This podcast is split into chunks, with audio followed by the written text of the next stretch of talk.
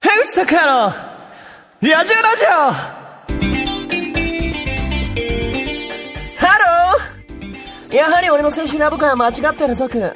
低い八幡役の江口拓也だよこの番組はリア充ってなるものじゃなくて気づいたらなってるものだよねっていうのをコンセプトにリア充のリア充によるあリア充のためのラジオみんなねありのままの僕ありのままの僕のトーク聞いてもらう番組だよさてリア充ラジオっていうぐらいだから、僕一人で進行するわけには いかないよね。一人で進行なんてぼっちだもんね。ということでゲスト紹介するよ。このリア充さんたちだみんなこんにち は雪なした雪の役の早見沙織だよ !OK? よーよーチェックラーよーよーヒエー由比ヶ浜夕役の遠山直太やおー今日はこのリア充さんたちに来てもらったよ。ひょいかおー今日もいいね。二人ともリア充してるもう超リア充してるあー最近のリア充エピソード教えて。もうねあれだよね何超パンケーキ食べてるえ、それはもちろん、一人じゃないよね。一人なわけないじゃあん、マジでヨガ仲間と超パンケーキ食べてるマジで超猟銃だねヨガ仲間とパンケーキとかあ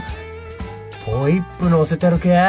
乗せてるよホイッ プ超乗せてるイエリア充全然イエーーイイえそんなうんうん富山ちゃんはあたしう私はねんめっちゃうんうんバーでうん バーでバーでバーでうんエブリデイうんウギブギよ今日の気分でカクテル作ってもらってよマジかうん遠山くんのちょっとあのリア充エピソードちょっとなんか違う気がするんだけどでもなおさあなおあれじゃんあれどれどれあのー岩盤浴がさあそれほら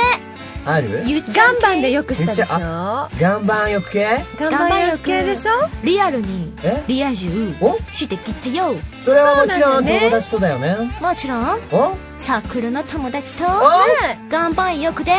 超岩盤の浴してきたよでしあょーなんとなくよ内容よくわからないけどでも確かにそれリア充いイエーイ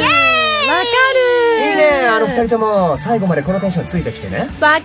イエーイそれあるねどうなのそれあるよねどううんなの行くよえぐちはさえー僕聞いちゃう聞いちゃう聞いちゃういやもうマジで夜にまずじゃザギン行くじゃんザギンオッケザーギンでザギンねザギンでシースー食べるじ ゃん誰と食べるのえザギンでシースーースうんもちろんあのキャバクラの女の子だよあキャバクラのナンバーワン指名率を誇る各地の女の子を集めーザギンの各地のあのほ北は北海道南は沖縄までのその店舗えぐちのために集まってくるそのう僕がザギンに行くっつったらみんな行く行くっつって来ちゃう系だ来ちゃう系だから来ちゃう系そこでまあ大盤振る舞いオーバーブルマ大イ盤ブルマシースー振る舞っちゃうホルマ握っちちゃんゃうのもう辞さない辞さない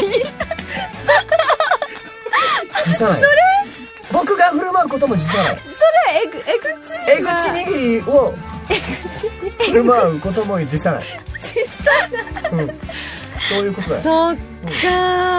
ー僕たちがどれだけリア充か分かってもらえたかなそれでは僕らの仲間から届いたリア充エピソードを紹介しちゃうよイエーイレッツゴ OK ラジオネームヨネダからいただいたーヨーヨーヨネだ皆さんヤッハローヤヤッッハハロローーイエーイ突然ですが私の悩み聞いてくださいオッケー最近彼のスキンシップが激しくて困ってますちょっとヨネだ人通りが多い場所でも注意してくるんですヨ恥ネだずかしいからと何度注意してもなかなかやめてくれませんヨネだどうしたらいいですかアドバイスくださいあでも、スキンシップが激しくてもう彼が大好きなので別にアドバイスなくてもいいですよろヨネだそういうとこあるよマジあるまあこういうリア充は多いよねやっぱりおいおいそこら辺のチュッチュチュッチュ外国かっつってえそれは外国かっつってねそれはうんないわーって感じなのいやあるでしょうああるでしょるでしょうやっぱりイエーイ俺たちもやっぱ外国の血を引いてるあるそれまであるよねやっぱり人類皆兄弟うんあ俺たちブラザーのそう価値観みたいなものはぶち壊していこうっつって既存の概念壊していこうぜってそうよねそうよかっこいいねもっとちょうだいオッケもーっとちょうだいえー、せいちゃんからいただきましたありがとうありがとう江口総裁えゲストの早見奈緒ちゃんやハローやはえ総裁って何のことねりえわかんないちょっともっとよくわからないなあわかんないし今父さんだけどとりあえず読むねうん総裁あ今日も女の子リスナーからうんラブレターのようなメー ルたくさん届いているのではありませんか Thank you ね僕も毎日下駄箱にラブレターが両手の数ほど入っていますうんこの中から一人を選ぶとなると、あそれ以外、あその人以外悲しませることになってしまうのでそうだよ、誰も選べないと当いたりう、前じゃないそうねそう、誰も選べないという返事を書くのが日課になっていますよ。うんたくさんのラブレターをもらっていると、ラ T は T はブレターをもらっている T は T はいいじゃないと、なんだか放送作家にでもなった気分で、人それぞれ、10人トイレの文章を楽しんでいます。総裁みたいにラジオやろうかな。うん皆さんは、ラブレタ T は T はーをもらったことはありますかああ、だもうねラブレチュー、うん、うん、な おラブレうん、なんてな、もう、そんなのはもう日常茶飯事。だってね一人を選ぶなんてありえないよね。そうそうそうやっぱり、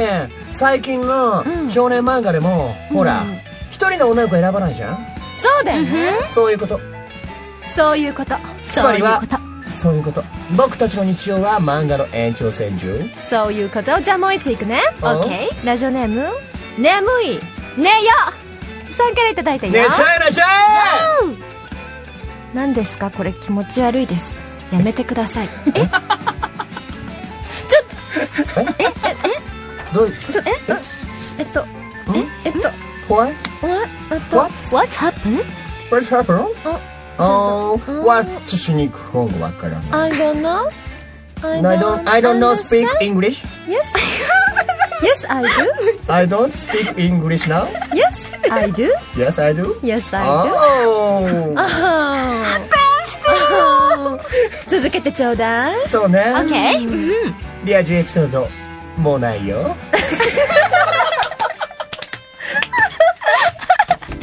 さて、エンディングだよあー、このまま行くのね、OK? 今日も楽しかったねイ僕たちリア充が集まるとやっぱりリア充の話がいっぱい集まってくる。止止まんないわまんない、もう本当に。リア充な日常超楽しい。超パーティーエブリデイワールドよね。エブリダイワールドイエーイって感じじゃんこのまま3人でザギいっちゃうシースイちゃんいっシースいっちゃうということでお相手はリア 充の江口の拓也と宮地のなんか落ちた早見の沙織とリアジーの遠山のなおでした。バイバイ